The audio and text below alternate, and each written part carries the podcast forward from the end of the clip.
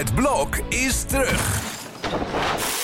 Vier koppels, vier bouwvallen, vier verbouwingen en dus een hele hoop stress. Het blok, iedere werkdag om half negen bij net vijf.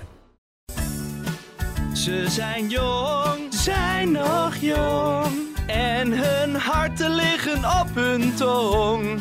Altijd alert, erg alert. Hun mening eindelijk ongefilterd.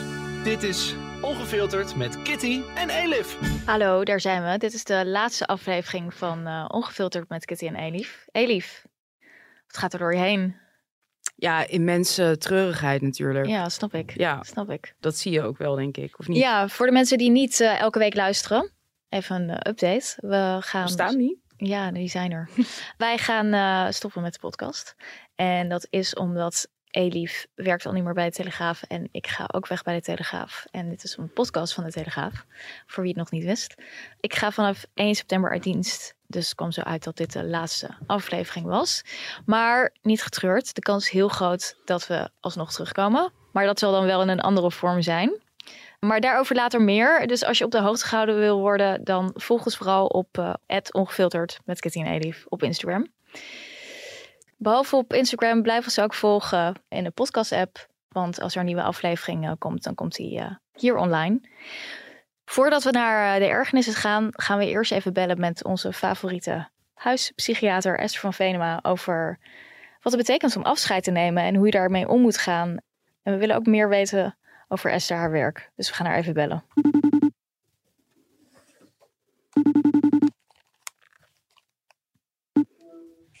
Met Esther.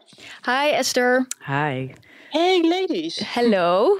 Um, we bellen jou voor uh, de laatste keer voor even. Want um, ja, we willen weten wat het uh, psychologische proces is van uh, afscheid nemen. Want um, dit doet echt een beetje pijn voor ons. Ja, ik ben ook aangeslagen, merk ik. Ja. Ja, wat we nu gaan doen is in feite afscheid nemen. En ja, dat is een van de dingen die we echt als mens verschrikkelijk moeilijk vinden, maar die zo ongelooflijk bij het leven horen. En toch doen we daar op een bepaalde manier heel ingewikkeld altijd over. Ja, dus hoe gaan we dat doen, hè?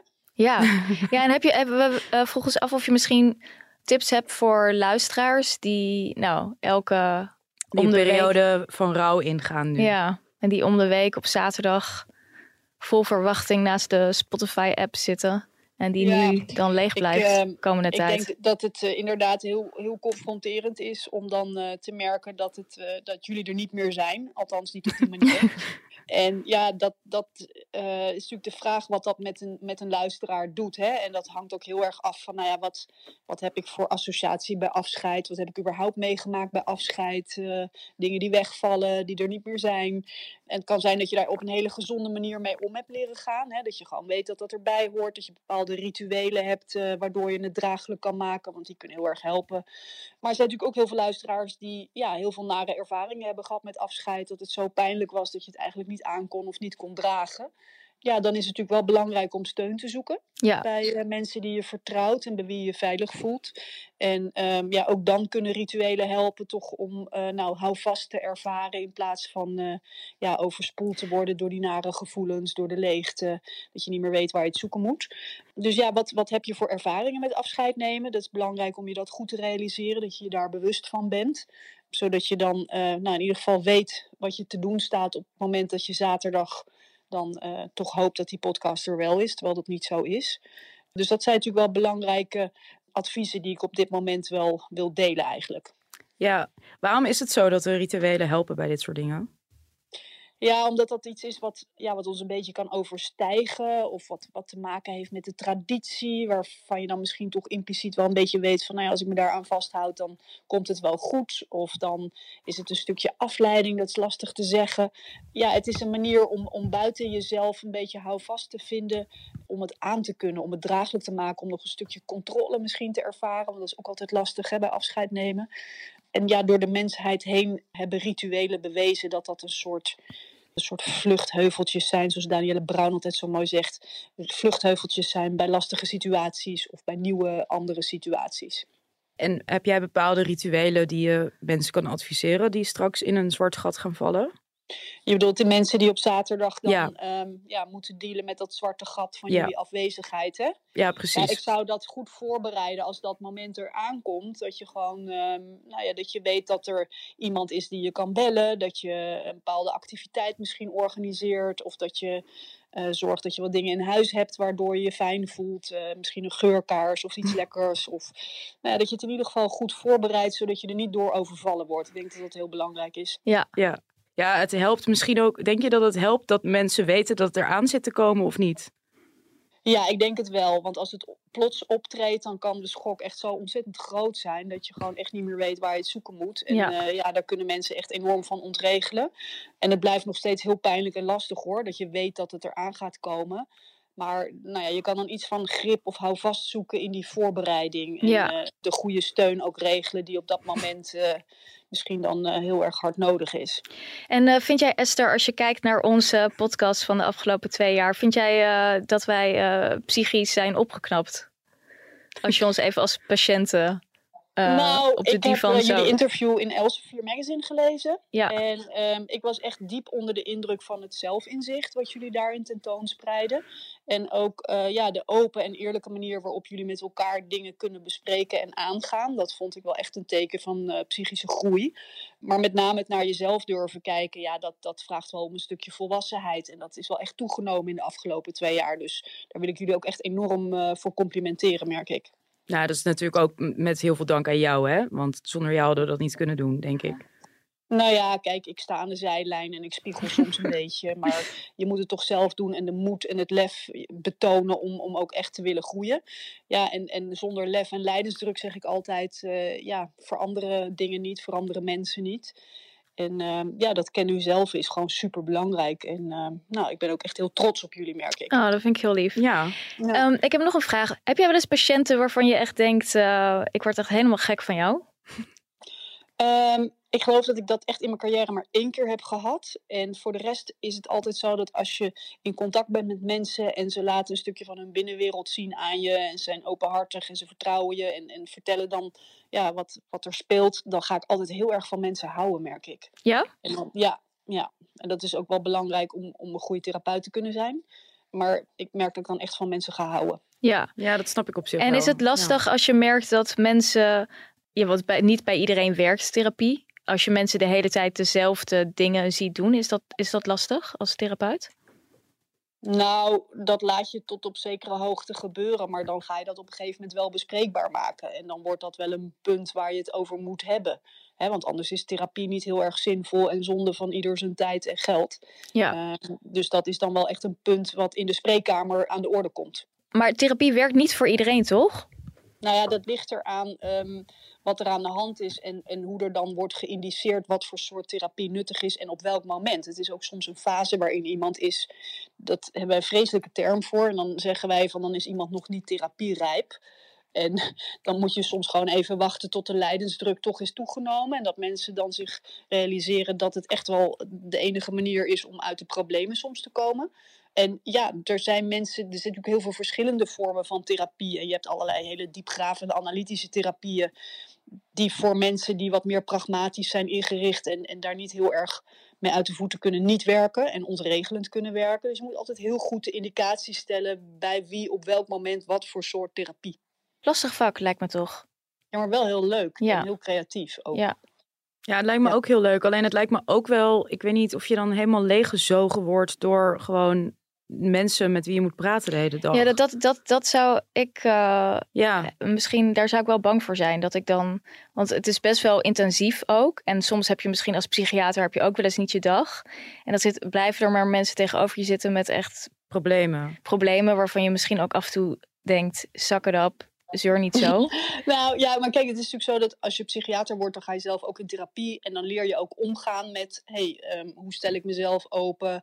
Wat doet het met mij? Dus dat, dat scheelt wel heel erg in het ja, helemaal eh, exhausted zijn aan het einde van de dag. In het begin van mijn carrière was dat wel echt iets waar ik meer last van had. En nu ja, heb ik wel geleerd hoe je daarmee om moet gaan. Dat leer je ook echt wel tijdens je opleiding. En het is niet zozeer dat je de hele tijd luistert naar problemen van mensen, maar je kijkt vooral naar patronen. Hoe gaan mensen met zichzelf om, met de wereld? Eh, Wat is die interactie? Dus je, je kijkt meer door je oogharen, wat voor patronen zitten er in, ja, in bepaalde coping of situaties waar mensen dan nou ja, toevallig tussen aansteken steeds weer in terechtkomen. Dus dat is wel een hele creatieve manier van kijken die ook wel ja, uitdagend is. Een soort spoor zoeken of zo. Dat is ook gewoon heel leuk. Ja. Ja, Oké Esther, heel erg bedankt. Ja dankjewel. en Nou, het- ik ben op dit punt wel heel blij dat ik in ieder geval ook weet hoe ik nu zelf met, met dit heftige afscheid moet omgaan. Ja. Want ik merkte dat ik ook wel tegen dit gesprek opzag. Eh, ja, omdat want neem ons even mee. Hoe gaat jouw afscheidsritueel eruit zien dan? Ehm, ik denk dat ik het zelf een beetje ga vermijden, omdat ik het nu nog te groot vind. Dus ik denk dat ik het een beetje weg ga stoppen. Ja. En ehm, ja, gewoon ga shoppen straks. Ja, dan denk ik dat op een ander moment, als het, als het, wat is, ja, als het echt eenmaal zo is en het is echt niet meer te ontkennen, dat ik het dan voorzichtig een beetje ga toelaten. Oké, dat klinkt heel gezond. Ja, Ja. nou ja, en ik wens jullie ook sterkte, want voor jullie zal het ook ergens lastig zijn, toch? Ja, zeker. Voor ons is het ook moeilijk. Ja, Maar het is voor jullie veel, eh, wel, wel een stuk moeilijker. Ik Dat- heb heel veel geurkaarsen in huis eh, gehaald om zo uit de tijd te overbruggen. Nou, lieve ladies, dank jullie wel voor alles. En ehm, laten we ook gewoon blij zijn met wat jullie de afgelopen jaren hebben gegeven. En ehm, dat is ook iets om eh, heel dankbaar op terug te kijken voor luisteraars, denk ik. En voor mij ook. ja, Ja. herinneringen. Mensen hebben Ja. de herinneringen nog. Die gaan we koesteren. Alright, dankjewel. Dankjewel. En misschien, waarschijnlijk, tot ooit. Dus dat, nou over tot de orde van de dag. Elief, shoot, ergernis. Ik ben bijna dood gegaan vorige week. En dat heeft te maken met een, een echt een longtime ergernis van mij. Eh, jij gaat hier niks bij voelen, want je hebt geen rijbewijs. Maar dat maakt me even niet uit nu. Flixbussen. Weet je wat een Flixbus is? Is dat zo'n bus die naar het buitenland rijdt? Ja, Ja. groen. Ja. Ja, mensen, paupers die gebruiken dit om, om naar het buitenland te gaan. Naar Duitsland, naar Berlijn en zo en naar Parijs. En het is een Europees ding, dus andere mensen gebruiken het ook om hierheen te komen. Ja. Dus buitenlanders. En ehm, die dingen zijn echt teringgevaarlijk op de snelweg. Want ze rijden echt als fucking idioten. Mhm. En in tegenstelling tot vrachtwagens die gewoon op de rechterbaan of hoogstens op de middelste baan blijven, rijden deze dingen gewoon op alle banen en halen ze je in en gaan ze je afsnijden. En het zijn, ik heb echt elke keer als er zo'n bus aankomt, heb ik er gewoon ruzie mee als ik aan het rijden ben. En ik heb het idee dat dit zijn allemaal mensen die dit als baan hebben, die zijn blijkbaar zo gefrustreerd dat ze het moeten afreageren op mensen zoals ik. Dat ze zeg maar mij gaan lopen pesten op de weg. Dat heb ik dus elke keer met chauffeurs van deze fucking Flixbussen. Ik haat die dingen. Ze hebben me al een paar keer bijna omgelegd. En ik ben er echt helemaal klaar mee. Zo, dat moest er echt even uit. Net zag ik er weer één toen ik hier naartoe reed. En die, die was wel ver weg. Maar het klinkt dus ook daar- wel gewoon echt gevaarlijk. Het is echt, die dingen zijn huge. Echt heel groot. Mijn auto is heel klein. Ja. Ik ben heel klein. Fucking small dick energy. Ga weg. Oké, Flixbus hebben small dick energy. Ja, Vind ik wel een goede quote. maar goed. Waar heb jij je aan geërgerd? Ehm, nou, ik moest laatst ehm, opeens zag ik iets in de horeca weer waar ik me ook al heel lang aan erger. Namelijk bruin brood. Bepaald soort bruin brood en eigenlijk oud bruin brood is niet lekker. Ken je dat hele donker geverfde? Dat is vaak geverfd, las ik ergens. Dat smaakt naar stof. Het smaakt niet naar brood, het smaakt naar stof. Het is echt heel vies brood. En op een gegeven moment was er zo'n trend van, oh, horeca eten is ongezond. We moeten nu ook inderdaad bruin brood serveren. Maar het is eigenlijk altijd vies. Als je een mandje brood bestelt en je krijgt van dat Oh, donkere brood. Ja. Dat is echt het allergoorste brood wat er is. Het smaakt niet eens naar Je brood. wil gewoon wit. Ja, Wit stokbrood. ja, dat is Ja. het enige brood dat lekker is. Met boter. Maar ik dacht dat je bedoelde als je bijvoorbeeld een broodje bestelt. Maar het gaat dus over als je brood vooraf iets bestelt. En het is, ja, het is dan echt een grote teleurstelling als het bruin brood is. Ja, Ik vind dat middel, die middelkleur vind ik misschien nog wel erger.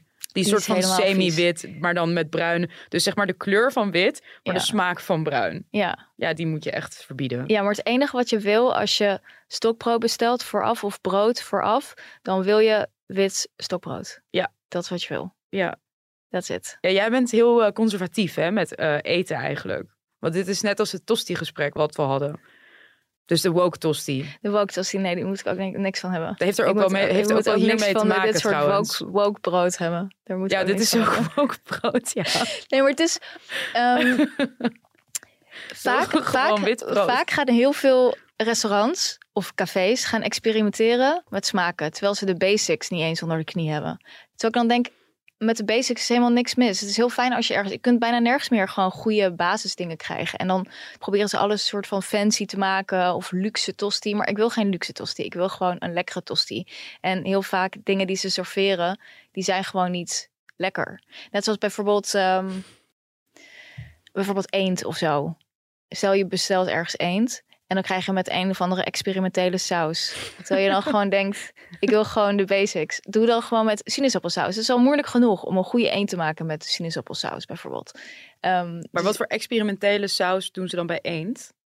Ik weet niet, een of andere, ik kreeg een keertje Koriander tijm of zo. een of ander koriander, tijm, ehm frambozensaus. Oh ja, Ja, ja, ja. echt Dat is een soort variatie op, op sinaasappelsaus. Oh ja, ik was ook ergens gaan eten toen eh, asperges. Mhm.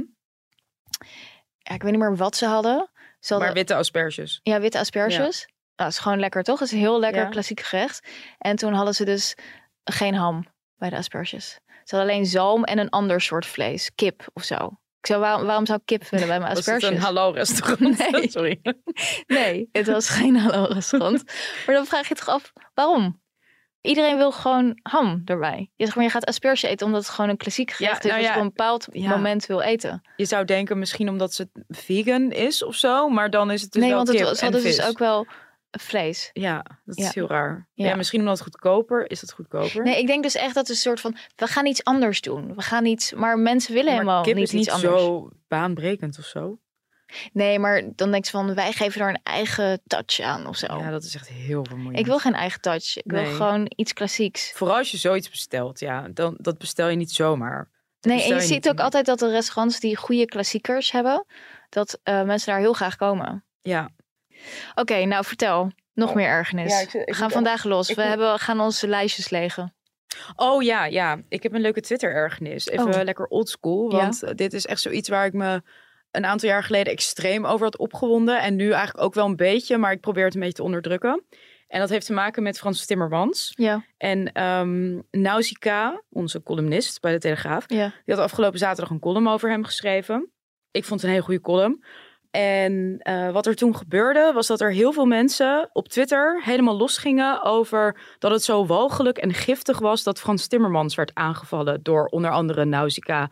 Maar ook door Jeroen Pauw en door Fidan Ekis en door andere mensen. Maar goed, Nausicaa had echt een lange column geschreven over waarom Frans Timmermans geen goede vertegenwoordiger is van de linkse stroming die hij moet gaan vertegenwoordigen. ja. En daar zaten ook verwijzingen naar zijn persoonlijkheid in, die geen geheim zijn, omdat heel veel mensen die met hem hebben gewerkt, vroeger in Den Haag, maar ook in Brussel, allemaal dit beeld van hem bevestigen. En wat is dit beeld dan? nou, dat het niet een hele sympathieke man is. Ik ga het even voorzichtig zeggen, want je mag blijkbaar niks naars zeggen over Frans Timmermans, want dan word je gekruisigd in dit Ja. land. Het is een heel kwetsbaar persoon. Frans ja, Timmermans. hij kan Een zichzelf hele, niet verdedigen hele natuurlijk. kwetsbare zevenvinker. Maar het is zeg maar seksisme ook, hè, om Frans Timmermans. Dat is zeg maar, mensen vergelijken het met Kaag. Zo van, oh ja, net als Sigrid Kaag wordt nu Frans Timmermans afgefakkeld. Dit ergert is dat omdat dus. hij dik is? Nee, ja, dat zou dus heel gra- grappig zijn. Nee, dat zou nog leuk zijn. Nee, het is om, volgens mij omdat hij links is. Dus er zijn allemaal mensen die worden dan boos. Was bijvoorbeeld een tweet van Marcia Luiten. Die twitterde van... Wat bezielt ons Nederlanders om politici als personen te willen afslachten?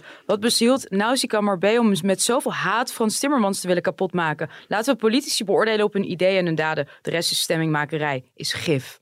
Dat maar ik, denk- vind, ik vind dit stemmingmakerij en gif. Extreem. Want je mag dus niet een goed beargumenteerde column schrijven over waarom iemand niet goed is. Ja. Want dat is dan gif. En dit is precies dezelfde reflex. Dat vond ik er dus zo raar aan. Er waren meer mensen die dit soort dingen zeiden. Stemmingmakerij en al wat een naar klimaat en zo. En het is dus niet omdat hij dik is. Ik zou erom lachen als ze zouden zeggen... het is fatshaming om Frans Timmermans aan te vallen. maar dat zeggen ze dus niet eens. Het is gewoon puur van... alsof Frans Timmermans een soort weerloze puppy is... die zichzelf niet kan verdedigen. En ze zeggen dus... ze gebruiken precies dezelfde argumentatie als met Kaag. Gif, slerre polarisering, bla bla bla. Behalve Maar seksisme. sowieso, dat hele ding van mensen zeggen nu bij alles wat er niet aanstaat. Nee, nee, nee, dat is polariserend. Ja, dat je denkt van nee, dat is gewoon een opvatting waar jij het niet mee eens bent. Ja. Dat heeft niks met polarisatie te maken, Ja. oprotten. Ja, precies. Maar ik, ik zat me hier zo aan. Dan gingen de mensen dreigen dat ze op Frans Timmermans gingen stemmen. als we zo door zouden gaan. We, als jullie zo doorgaan met hem afzeiken in columns. ga ik op Frans Timmermans Oké, stemmen. nou doe lekker. Ja, be my fucking guest. Doe Ja. dan. Ja. Maar, het is, maar het- ik vind ik het snap deze reflex niet. Het is echt omdat Frans Timmermans blijkbaar een soort... omdat het is oh, oké, ehm, beoordeel iemand op de inhoud. Dat is ook echt iets wat ze alleen maar zeggen bij mensen voor wie ze zelf zijn. Want over hun tegenstander gaan ze dat niet zeggen. Beoordeel hem op de inhoud. Dit zijn niet mensen die bijvoorbeeld gaan zeggen over Caroline van der Plas. Als je daarover zegt dat het een of andere boerentrien is of zo. Die dan gaan zeggen, nou dit vind ik niet oké. je moet er wel op de inhoud beoordelen. Ja, ik denk niet dat eh Marcia Luiten daar een eh, column aan zou wijden. Nee. Of misschien wel. Nee, denk het niet. Nee, ik denk het niet. Nee. Maar het is ook heel raar, want Nausicaa is echt het tegenovergestelde van iemand die doet aan gif spuwen of stemmingmakerij. Zij is de meest consequente Ja. persoon, ideologisch gezien, die er is. Ze is super streng op uitwassen van links, super streng op uitwassen van rechts. Ze kan super goed schrijven, ze kan heel goed beargumenteren. Wij zeggen over onszelf in een interview met Elsevier, dat jullie allemaal moeten lezen, over dat wij een hele grote bullshit detector hebben. Ik denk die van Nausicaa is nog tien keer zo groot. Dus ik vond het ook heel raar dat zij daaruit werd gepikt als een soort belichaming van alles wat er mis is met kritiek op Timmermans. De, de haat, de, de giftige haat. De giftige haat. Timmer, of Frans Timmermans. Ja. Maar Ja. Kaag is nog niet eens weg. En ze hebben nu al een vervanger gevonden waar ze zeg maar dit soort weerloosheid op kunnen projecteren. ja. Nu jij weer. Het klinkt echt alsof ik een eetobsessie heb. Maar ja, heb ik ook. Een van mijn, eh, ik haat het woord guilty pleasure, want ik schaam me niet voor dingen waar ik van geniet. Maar een van de dingen waar ik, ik zeer van geniet, is op YouTube video's kijken van modellen die eten. What I eat in a day. En Oh, dan- ja. ja, dat is een van de dingen die ik heel, heel fijn vind om naar te kijken. Ik haal er ook wel eens recepten uit. Vaak eten ze allemaal hetzelfde. Havermout, avocado toast in de middag en dan s'avonds soep of salade. Maar je hebt er dus ook mensen tussen zitten. En als je dan opzoekt wat is hun dieet of eh, wat eten zij, dan kom je tegen dat bijvoorbeeld Emily Ratajkowski gek is op pizza. Of dat haar workout routine gewoon going for a walk is en yoga. Dat ik echt denk, nee, je hebt niet zo'n lichaam van going on a walk. En, Wel ehm, was dat je, je, je eh, genetische dinges is. ja, maar dat houdt wel op na een bepaalde leeftijd. Je kunt wel, zeg maar, je hebt natuurlijk wel gewoon goede genen, of je kunt een goede bouw Ja. hebben. Maar na een bepaalde leeftijd kan het niet dat je zulke spierontwikkeling hebt als je geen sport doet. Dat Ja, is vrijwel ja. onmogelijk. Zeg maar, zij heeft een hele, hele afgetrainde buik. En je gaat me niet vertellen dat zij, als ze dus wordt gevraagd naar wat eet je graag, en ze zegt dan, nou bijvoorbeeld eh, Bella Hadid ook Mhm. van, eh, nou en dan eet ik s'avonds eh, pizza. Ik echt denk, nee, dat eet jij niet. Misschien dat je dat wel eens eet, maar als je moet laten zien wat je eet op een dag, dan is het niet dat. Nee. Nee. Want ik weet bijvoorbeeld van Emily Ratajkowski, een hele goede vriendin van mij, die is met haar opgegroeid. Zij zijn gewoon in dezelfde buurt opgegroeid en gingen naar dezelfde school in San Diego. En zij vertelde dus, iedereen ging altijd elk weekend naar de McDonald's als we helemaal naar de kloten waren. En Emily had nooit iets. Oh. Ja, dus ik Ja. weet uit betrouwbare bron dat zij geen fucking McDonald's of pizza eet. Dus dat erger me dan Oké, heel Yvonne erg. Ja, Ja, oké. Nou, goed journalistiek werkt het. goed gefactcheckt. ja. Dus daar erger ik me heel erg aan. Ik vind dat heel erg, we hebben het wel eens eerder besproken, pick me, pick me vibe. Dus pick me girls zijn vrouwen die dan vooral bij mannen in de smaak willen vallen als I'm one of the guys. Terwijl Ja, je dan vindt denk, dit Jennifer Lawrence-achtig. Heel erg, heel erg. Dat ik dan gewoon denk, ja, wees er gewoon eerlijk over. Zo'n soort lichaam kost gigantisch veel moeite. Daar hebben allemaal mensen gewoon over het algemeen respect voor. Dat je dat allemaal kan opbrengen, die discipline om zoveel te sporten, om zo op je eten te letten. Dus ga dan niet doen alsof je inderdaad gewoon de hele dag patat aan het eten bent. Want niemand, niemand gelooft dat. Ik denk dat ze dat ook zeggen uit een soort ehm, stimulans voor body positivity. Dat is een beetje krom. Maar dat dat is om zeg maar mensen die dan dus een zwak hebben voor pizza of wat dan ook. Ja. Om die zich niet slecht over zichzelf te laten voelen. Dus snap je wat ik bedoel? Dus ik denk niet dat het per se iets is van, nou ook wel een beetje pick me. Maar ik denk dat het ook is van, ja, willen mensen geen eetstoornis aanpraten? Nee, ik denk dat ze dus- vooral, vooral bezig zijn met relatable willen zijn. Ja, maar dat zijn ze per definitie niet. Ook niet als ze pizza eten, juist minder. Dan vind ik ze minder relatable. Want dan, als er mensen zijn die dat geloven, want Ja. ik denk niet dat die er bestaan. Maar dan denk je natuurlijk nog veel meer van, ja, maar hoe kan dat? Want jij, jij bent nooit, dit gaat jou niet lukken, want dat gaat bij jou niet lukken. Ja, dan is het al helemaal alsof het een soort aliens zijn, ja, bedoel je? precies. Ja. Ja, die gewoon zo geboren worden en, en niks hoeft te doen. ja, Ja. nou ja, wat ik zei, dat je dus denkt, oh, het is gewoon gene. Ehm, heb je nog meer geërgerd aan dingen? Ja, ik heb nog eentje even als uitsmijter. Weet je wat ik echt super irritant vind? Als je dus bijvoorbeeld naar de kapper gaat of naar de nagelsalon.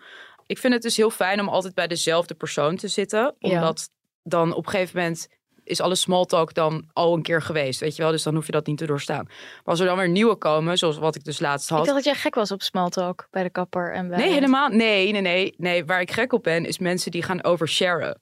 Oh, dus ja. als zij over zichzelf gaan oversharen. Maar waar ik niet van hou, is dat ze mij allemaal triviale kutvragen gaan stellen. Waar ik geen zin Mhm. heb om antwoord op te geven. Ja. Had ik dus net niet alleen triviale vragen, zoals ga je op vakantie? Vind ik heel kut. Maar ook, want ik krijg al zo'n energiewegtrekker als, als er dan zo'n vraag aankomt. Dan denk ik, ik heb helemaal geen zin om met jou hierover te praten. Maar wat ik ook irritant vind, is als ze je hele persoonlijke vragen gaan stellen. En dat doen dus heel veel, eh, mijn nagelstylisten, die zijn allemaal Iraans. En het is voor hen normaler om direct een soort van diep te gaan in zo'n korte tijd, snap je? Dus gaat heel snel over politiek en over familie en over dat soort shit. Maar waar ik dus niet tegen kan, is als mensen, als je ze voor het eerst ontmoet, in zo'n setting waar je dus niet weg kan, dus als je nagels aan het doen bent, dat ze dan van die vragen aan je gaan stellen. En dit soort vrouwen die vragen altijd, ben je getrouwd? Heb je kinderen? Allemaal van dat soort dingen. Ik vind dat heel erg in je personal space komen. Ja, dat is echt een cultuurverschil, denk ja, ik. ik. heb dan altijd het idee sowieso dat je ook gejudged wordt of zo. Ja, het is wel zo dat ook een uh, Midden-Oosterse cultuur. cultuurverschil. Jawel, want, want nee, in- want ik in- heb ook wel eens Nederlandse kapsters gehad die dit soort vragen stellen. Ja, misschien is het dan bepaalde kringen of zo. Maar ik weet in ieder geval, in Israël vraagt iedereen dat ook de hele Ja. fucking tijd aan je. Gewoon uh, Ja. de hele tijd moet je je burgerlijke staat uh, bekennen. Terwijl je gewoon een broodje komt halen. Ik bedoel, het is echt, het is echt bizar. Echt bemoei, bemoei je er niet mee. Maar dat, is, dat bemoei je Ja. er niet mee, dat is heel Nederlands. Ja, zeker. bemoei je niet met mij. Laat Ja, me met rust. Weet je wat ook zo erg is in Israël? Iedereen vraagt de hele tijd shit aan je op straat. Dus ze vragen dan, eh, weet jij hoe laat eh, de, dit komt? bus of de gaat. bus of. En dan denk ik echt, weet ik veel, zoek het op op je telefoon. Waarom praat je tegen me?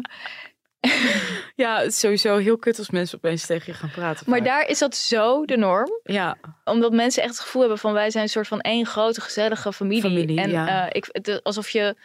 Terwijl ik zou niet zo snel iets aan iemand vragen, behalve als ik het echt niet kan, zelf kan opzoeken. Ja. Maar dat is ook natuurlijk heel Nederlands. ja. Maar het wordt nu ook wel als steeds minder oké gezien. Ik vraag ook niet zo snel aan iemand, heb je kinderen? Want ik denk er wel over na van, misschien kan iemand geen kinderen krijgen of zo. Precies, dat weet je niet. Misschien is het niet dat. iemands keuze. ja. Maar goed, als jullie denken dat wij ons veel ergeren. Ja, We hebben echt een stalker gehad. ja uiteindelijk, uiteindelijk zijn we maar overstag gegaan, want we hebben een man. Jullie hebben hem een keer eerder gehoord als jullie vaste luisteraars zijn. Ja, en ehm, hij blijft ons maar stalken over ergernissen die hij met ons wil delen. Hij gaat ons nu eh mensplenen over ergernissen en waarom hij nog betere ergernissen heeft dan wij. Dit is Koen. Koen de Recht. Van RTL. Hey meisjes, zal ik het eens even goed uitleggen? Het is tijd voor de mensplaner.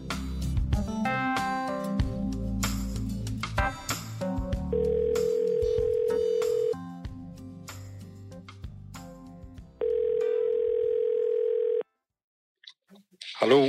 Ja, hi, welkom. Ik had beloofd om jou te shamen voor het feit dat je jezelf zo schaamteloos hebt aangeboden aan ons elke keer. Dus bij deze. Ja. Ja, dat we uiteindelijk maar overstag zijn gegaan. Ja, dit is een beetje een pity uh, mansplain. Terecht. Maar wij hebben je net heel erg um, groots aangekondigd. Met de belofte dat jij uh, de mensen gaat vertellen waarom jij je nog beter kan ergeren dan wij. Oké, okay. Dat vind ik wel heel veel eer. Want ik kan niet mezelf. Maar ik erger me wel heel veel. Maar volgens mij erger ik me wel aan dezelfde soort dingen als jullie. En waarom erger je je zoveel, uh, Koen? Weet je, laat ik het positief benaderen. Uiteindelijk is het vanuit een wil dat de wereld beter zou kunnen zijn. Ja.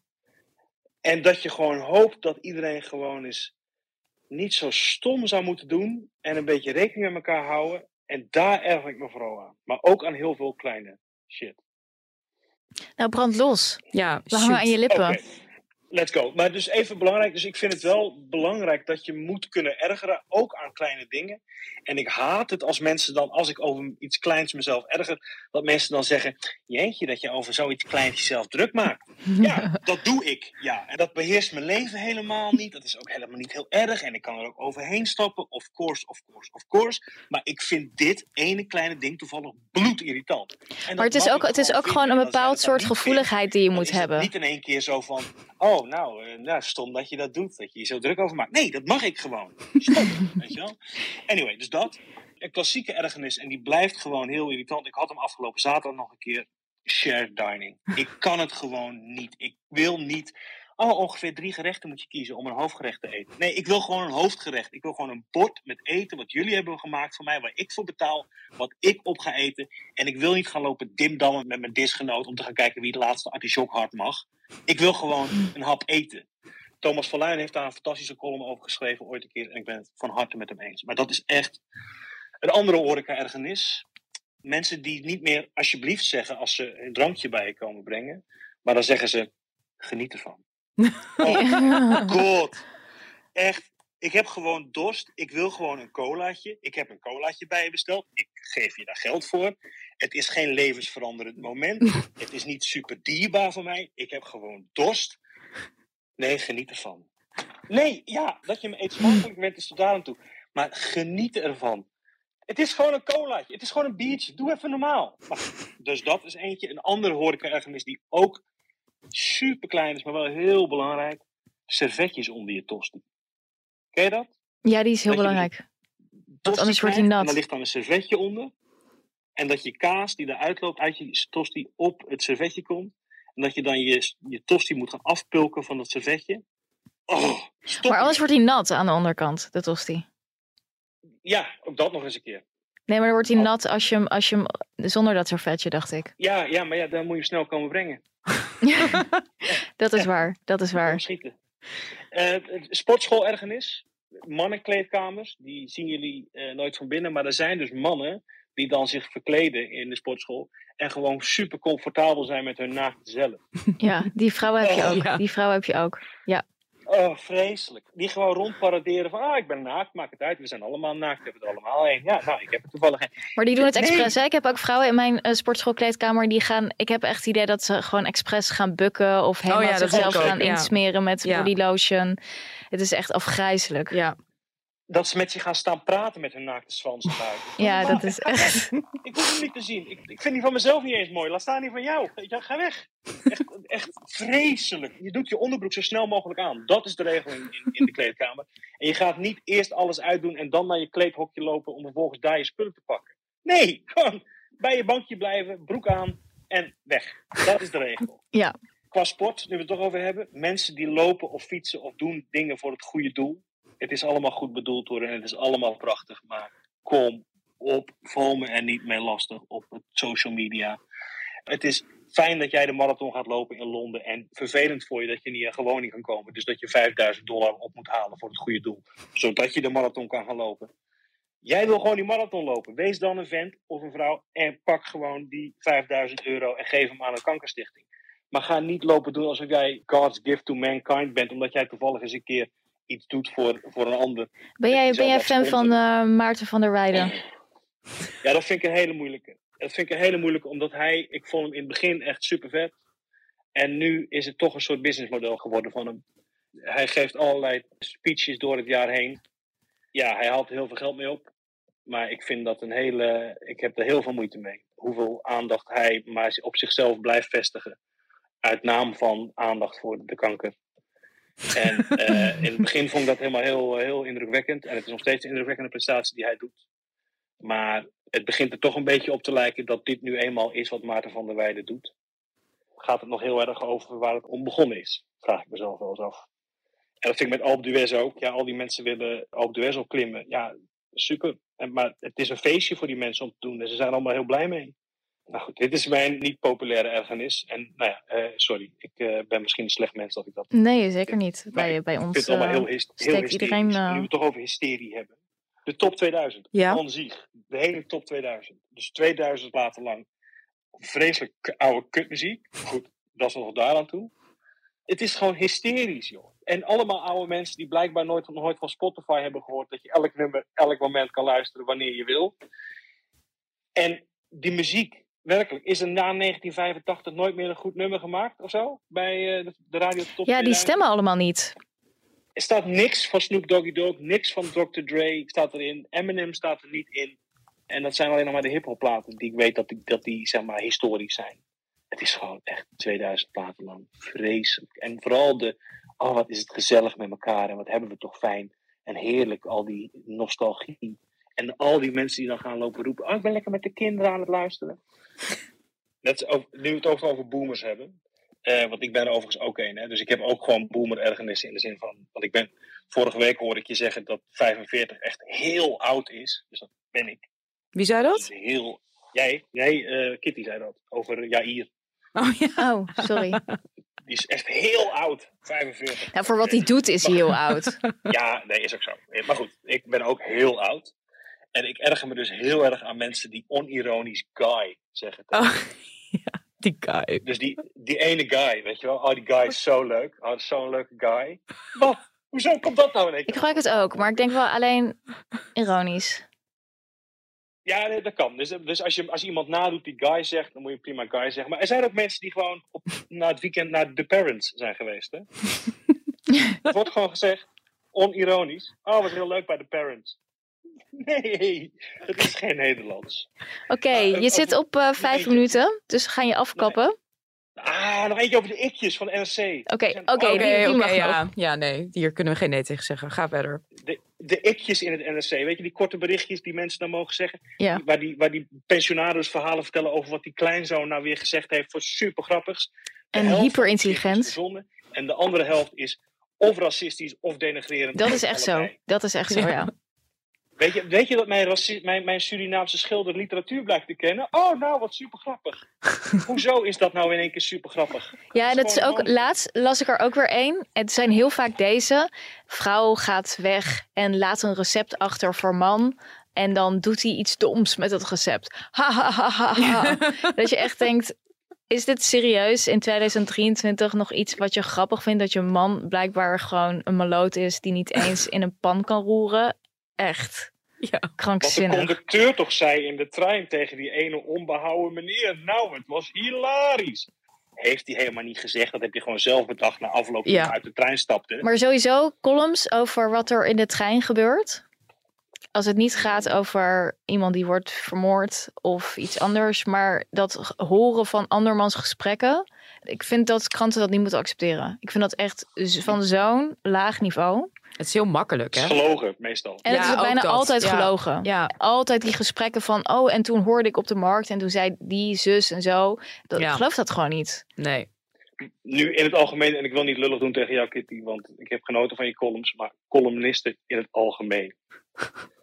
Er zijn er nogal veel van. Ja, er zijn er te veel, dat is waar. het algemeen nogal slecht. Er zijn er maar echt een paar die goed zijn. Waar ik jou toe reken, Kitty. Dank je, dank je. En Matthijs Bouwman en nog, eh, nog wat columnisten in het FD. Maar het is werkelijk van een niveau, jongen. Oh, oh, oh, oh, oh. Dat is echt van, nou, ik hoorde inderdaad iemand iets zeggen. En dat is dan precies, kwam het uit met wat ik al dacht. En dat schrijf ik eens even lekker in de krant. En dan moet ik hier ook nog even een mening over hebben, over VI of zo. Het is werkelijk waar van een niveau. En de kranten staan er vol mee. Nou, lucht het op? Oh, heerlijk. Ja? Ja? maar mijn lijst is nog veel langer.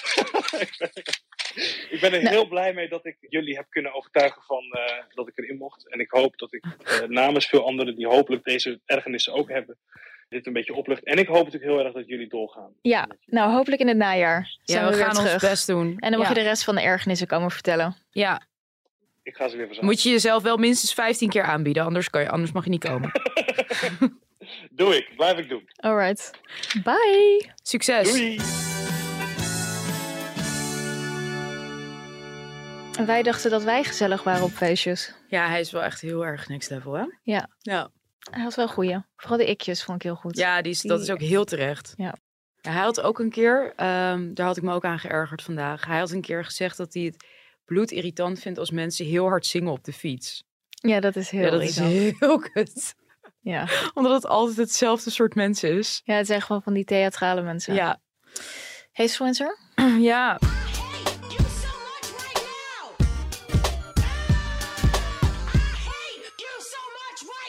De Hatefluencer van de week. ja, we komen naderen echt met rassenschreden nu het einde. Hè? Ja. Ik heb een van Tovik Dibi, die jij waarschijnlijk heel leuk vindt als groot kinderliefhebber. Tovik Dibi tweette een deel van een trouwkaart die hij in de bus kreeg. En daar staat, vergeet uw kind geen nachtzoen te geven. En daar zette hij bij, hebben jullie ooit een trouwkaart ontvangen waar zo classy in stond beschreven dat je je kutkinderen thuis moet houden? Nee, ik heb dat nog nooit ergens gezien, maar ja. Ja, dat was heel erg goed, ja. Maar ik sluit niet uit dat er hele domme mensen zijn die hem niet begrijpen. Is het zo? Ja, weet ik bijna zeker. Wat snappen ze niet dan? Ja, die denken dat ze nog steeds hun kinderen mee kunnen nemen.